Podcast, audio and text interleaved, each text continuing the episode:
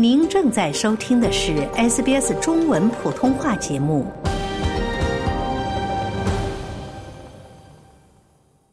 美英出动部队联合打击也门胡塞叛军，这是否意味着中东战事即将升级？澳洲政治学者刘敏然博士认为，美国和伊朗都没有意愿进行正面对抗。下面请听采访。好，现在我们请来的嘉宾是新南威尔士大学国际政治学讲师刘敏然博士。刘博士你好，你好。的这几天我们看到新闻是美英出动部队联合打击也门的胡塞叛军，那这时候就可能会引发一个担忧，是不是中东的战事又起？是不是会令目前存在的这些地区冲突升级？我是这样认为的，就是说任何形式的这种军事行动呢，当然它都有一个潜在的让当地这个局势升级的一个风险。嗯，但是。从目前的情况来看呢，我认为不足以呃把这件事情认为是当地这个军事冲突升级的一个一个事件。但是我们看到，就是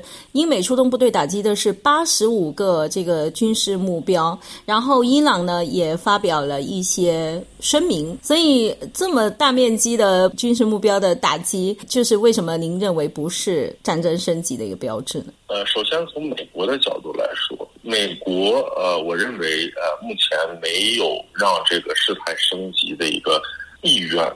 呃，因为对于他们来说呢，呃，尤其如果你考虑美国现在国内政治的话，对于这个呃拜登的这个民主党政府，我觉得最好的一个一个出路就是呃，在大选之前啊，中东形成一个暂时的一个军事，或者说形成一个暂时的一个一个地区的一个和平，或者是一个暂时的一个框架。这是我觉得对他来说最有利的，所以说呢，从这个美国目前的这个表现来看呢，比如说在前几天，呃，其实美国就给了这个伊朗的这个最所谓的伊斯兰革命卫队，还有他呃附属的这些军队和组织一个撤退的时间，在他攻击这些目标之前，我认为这是一个非常明显的一个信号，就是说他华盛顿就是表示不希望。和伊朗产生的直接的对抗，而是说他更多的把他的这个目标集中于打击这些松散联盟或者说松散联结的这些组织，而不是说直接和伊朗产生这个冲突。呃，美国要表明的态度是，因为此前的几天，美国的士兵是在前面的一些冲突当中呢，是失去了生命，所以美国政府也需要做一些行动来应对国内的民众的反应，是不是？啊，对，我觉得国内的这个反应是很重要的。一是应对国内的民众啊，这种人民对于这个事情期望，那当然，另外一点就是他这个。呃，国内政治，它的这个对于这个不管国内的反对党，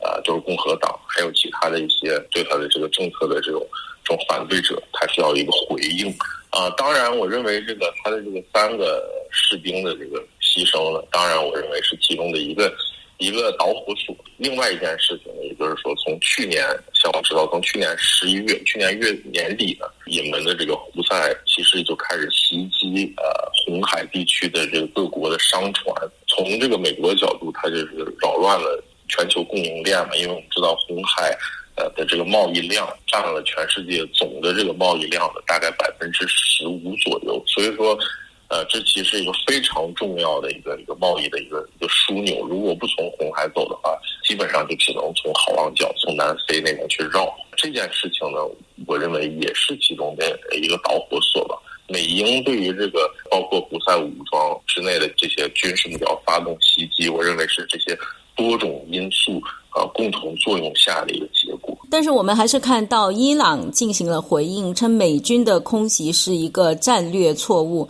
您怎么看伊朗所做的这个回应？呃，我觉得伊朗这次对美国的这个回应呢，他说他明明确表示说这是一个战略错误。我认为这个跟伊朗之前对于美军在这个地区的这种军事行动的这个反应或者反馈呢，呃，是一致的。呃，伊朗一直就是想表达立场，就是。呃，我们希希望这个地区和平、安全以及稳定，然后我们不希望美国介入到我们中东的这个政局，呃，这个中东的这个地区平衡里。呃，就是包括这次除了从伊朗除了伊朗表示了这个不满之后呢，呃，包括伊拉克啊，虽然伊拉克政府是一个呃，我们知道他最初是在这个美军的这个帮助之下建立起来政府，但是他也表示了对这个事情的这个不满。当然，叙利亚对这个事情呃也表达了不满，很多当地的中东的一些政府都对美军这个空袭表达了不满。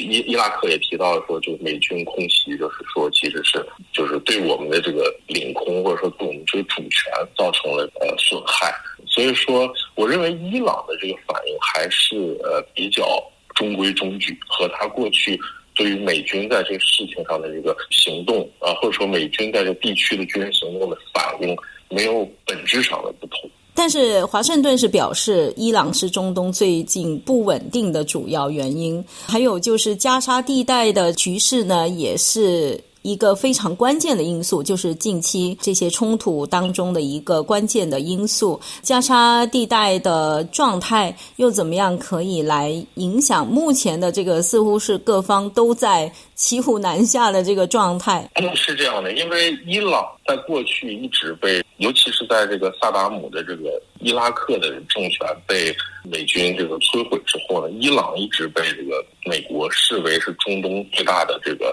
最大的竞争对手吧，或者说是对他中东政策最大的一个阻碍，呃，这是美国一一贯对伊朗的这个态度啊，就包括在这个小布什时期呢，当时美国就把伊朗和北朝鲜这个两个国家视为了这个所谓的叫邪恶轴心嘛，从这个美国的角度来说，可见这个美国对于伊朗的态度呃其实是一贯的。呃，如果说谈到这个加沙整个这件事情对加沙这个地方这个整个的这个加沙这个停火，或者说加沙未来的这个发展的这个影响，我认为肯定是起了一个不利的一个影响。当然说，呃，我认为美国在在未来的这大选之前，美国现在的民主党政府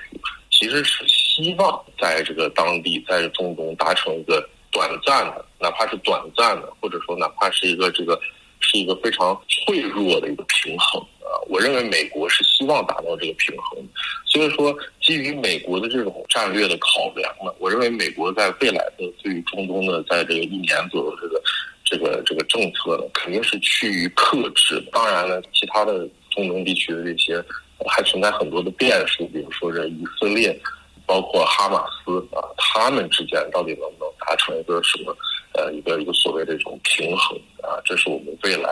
需要去看的。然后我们需要看一下各种这个不同的这个势力在这个地方的一个博弈吧。但是我个人认为，美国还是希望。在这儿达成一个短暂或者说脆弱的一个平衡。那其实围绕加沙可能停火的谈判也是正在进行当中，而拜登总统呢也表示，美国的回应是刚刚开始，不过他是说将在他们选择的时间和地点继续进行。与此同时呢，呃，这个战争会不会升级，或者是否意味着战争升级？还有一个非常关键的一方就是伊朗，伊朗。是否会对于这个拜登政府瞄准伊朗所采取的这些军事行动，会不会有一些回击的行动呢？我认为，即使有一些这种回击的行动，或者说反击呢，美国的这个反击的行动呢，肯定是一些比较精准打击，或者说一种呃斩首行。从另一方面来说呢，我认为伊朗对于美国这些军事行动的反击呢，肯定还是会依赖这些和他有这个松散连接的当地的一些他的军事盟友或者说一些军事组织，而不希望与这个华盛顿进行正面的这个冲突，这个是不符合伊朗这个伊朗国家利益的。我认为伊朗不会和美国产生正面的。嗯，所以可不可以这样说？就是美国和伊朗都不想正面冲突，以免两败俱伤。所以这个目前战争所谓升级的可能性还是比较低的。呃，我是这么认为。当然，所有的战争都是有啊升级的可能性，这种危险是存在的。但是呢，我认为美国包括伊朗还是想把这个战争的烈度或者说它的这个范围控制在一定的范围之内，就包括。呃，我们知道这个美国的国务卿布林肯呃即将这个出访中东呃，他将出访这个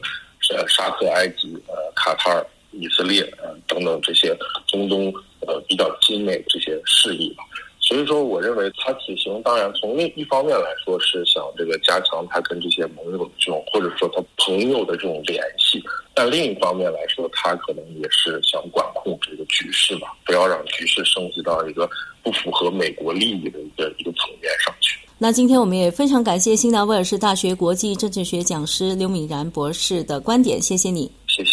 了解澳洲，融入澳洲，欢迎登录 sbs 点 com 点 au 前斜杠 language 前斜杠 mandarin，获取更多澳大利亚新闻和资讯。